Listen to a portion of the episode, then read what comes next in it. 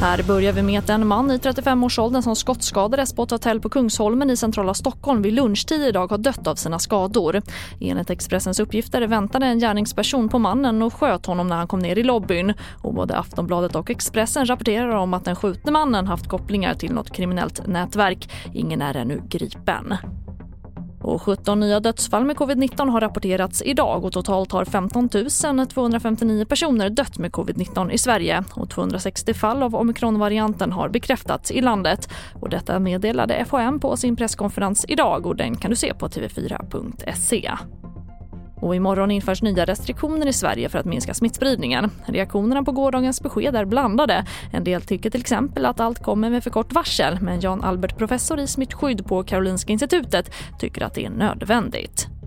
Det är ju väldigt snabbt på förstås för alla, framförallt för restaurangägare och så. Men jag tycker att det är nödvändigt därför att vi har den här omikronvarianten som kommer spä på den redan snabba eh, ökningen av antalet fall. Och det får avsluta TV4-nyheterna. Jag heter Charlotte Hemgren.